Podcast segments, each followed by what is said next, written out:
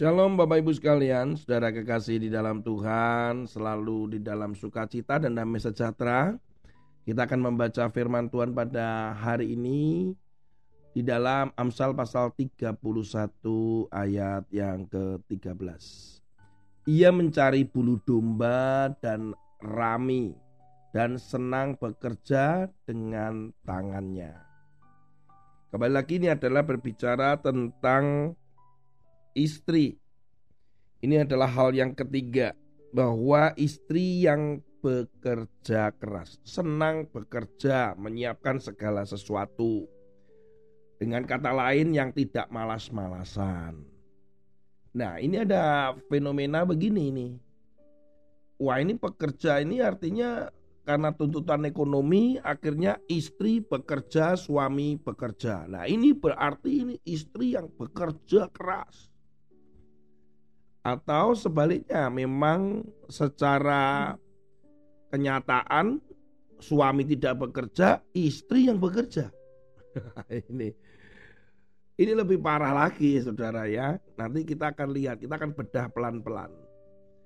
Disebut sebagai wanita karir, perempuan yang punya bisnis ya. Dan beberapa waktu yang lalu saya ya mungkin beberapa tahun lah tepatnya saya punya teman ya, dia seorang businesswoman. Dia punya uh, perusahaan garment.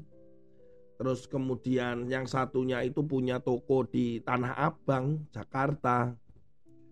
Mereka-mereka ini orang-orang yang berasal dari Kalimantan. Dan saya melihat setiap pelayanan si istri-istri ini atau ibu-ibu ini yang memang kaya ya, berduit lah.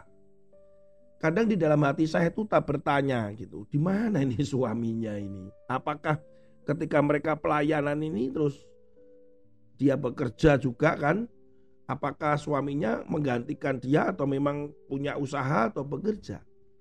Ternyata dari informasi yang saya dapat ada satu budaya. Apakah ini benar atau tidak ya saya tidak tahu. Tetapi wong saya hanya dengar dari mereka beberapa orang bahwa memang demikian bahwa istri-istrinya yang bekerja, istri-istrinya yang melakukan eh, atau mencari uang sementara suaminya itu waktu itu ya berkaraoke, main golf, clubbing, di rumah bangun siang nggak ngapa-ngapain gitu. Waduh, masa begitu saya bilang iya itu Salah satu budaya itu demikian. Loh, istri nggak begitu tugasnya. Apakah itu disebut bekerja keras? Bukan. Ya. Yang dimaksudkan seorang istri bekerja keras adalah yang pertama adalah dia melakukan tugas-tugas sebagai istri. Nah tugas itu ada di mana Pak Tony? Nah ini yang menarik sekali. Tugas itu ada di dalam Titus. Surat Paulus kepada jemaat di Titus. Dia berkata begini. Titus pasal yang kedua. Ya, ini dikatakan ayat yang ketiga. Demikian juga perempuan-perempuan yang tua. Ini artinya perempuan tua itu berarti bukan secara usia ya, berarti sudah menikah. Dia sudah cukup umur menikah dan dianggap seperti wah ini senior.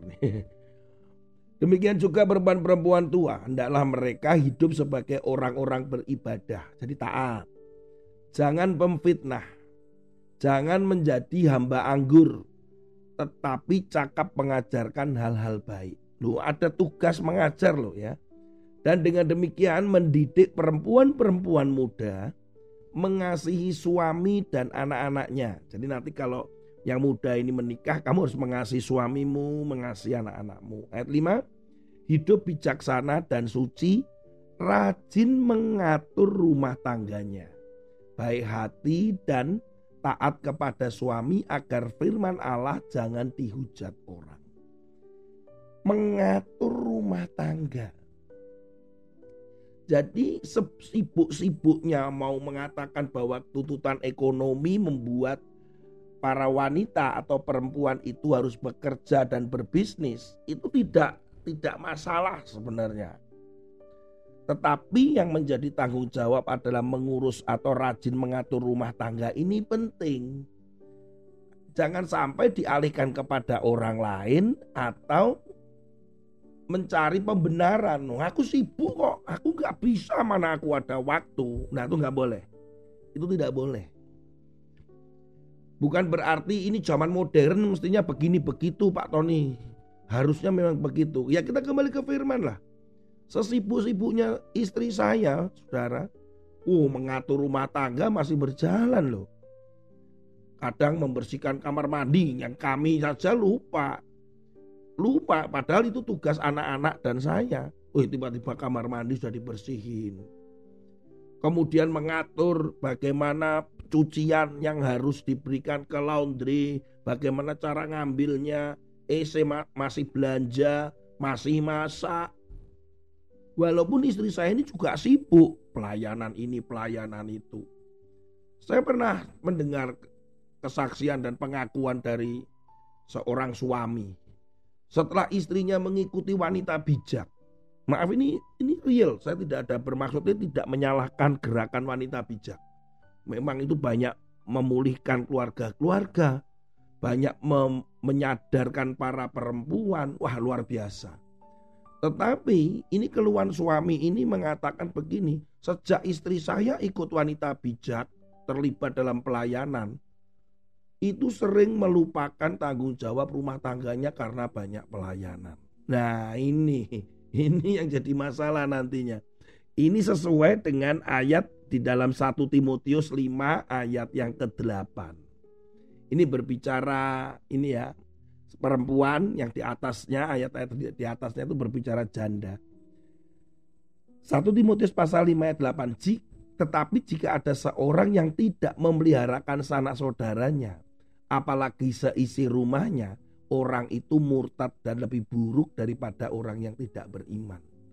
Jadi menelantarkan anak, membiarkan kondisi di rumah tangga berantakan, itu nggak benar. Pelayanan itu sebenarnya yang pertama ada di keluarga. Jadi yang dikatakan bekerja keras itu adalah bekerja keras mengurus rumah tangga. Yesus juga memberikan kebebasan loh kepada setiap perempuan. Tetapi tetap harus mengurus rumah tangga. Harus mengurus rumah tangga. Saya melihat nonton atau film The Chosen, Yesus kalau pergi ke mana-mana juga ada perempuan yang ngikutin dia. Yang masak dan sebagainya. Tetapi pada waktu jam-jam atau waktu-waktu tertentu Yesus akan meminta para murid-muridnya itu untuk pulang ke rumah mereka masing-masing. Ngapain? Ngurus rumah tangga gitu. Jadi ada hal yang harus dilakukan ketika berkeluarga. Bukan istri itu bukan merongrong terus. Kemudian hanya manicure, pedicure, ke salon, shopping-shopping. Katanya menolong, menolong menghabiskan uang suami ya misalkan gitu. Enggak, enggak, enggak begitu istri benar-benar harus bijak. Dikatakan tadi di ayat sebelumnya juga harus bijaksana. Bagaimana untuk mengatur keuangan, bagaimana untuk mempunyai tanggung jawab di tengah keluarganya, mengurusin anak-anak. Bukan berarti suami nggak ngurusin anak-anak, bukan gitu. Tapi itu kerjasama tim. Tetapi ketika ada di rumah dan sebagainya, nah ini penting sekali. Bapak Ibu, eh kok Bapak Ibu, Ibu boleh bekerja, boleh berbisnis untuk menambah keuangan membantu suami dan keluarga, tapi ingat ada bekerja keras yang lain yang harus Ibu lakukan, yaitu rumah tangga. Inilah yang kita harus sadarkan. Suami juga harus menghargai gitu. Dikatakan kalau dalam firman Tuhan harus menyediakan. Nah, suami kalau nggak menyediakan apa yang dikelola, apa yang dikerjakan oleh istri. Suami harus menyediakan, bukan malah malas-malasan. Ini nanti jadi salah lagi. Ketika peran dan tugas ini bolak-balik bisa salah, maka akan pasti menjadi uh, apa itu masalah di keluarga saudara. Tapi saya berdoa itu nggak terjadi dalam keluarga saudara keluarga saudara tetap menjadi berkat, damai sejahtera karena Kristus ada di tengah-tengah keluarga saudara. Tuhan Yesus memberkati. Shalom.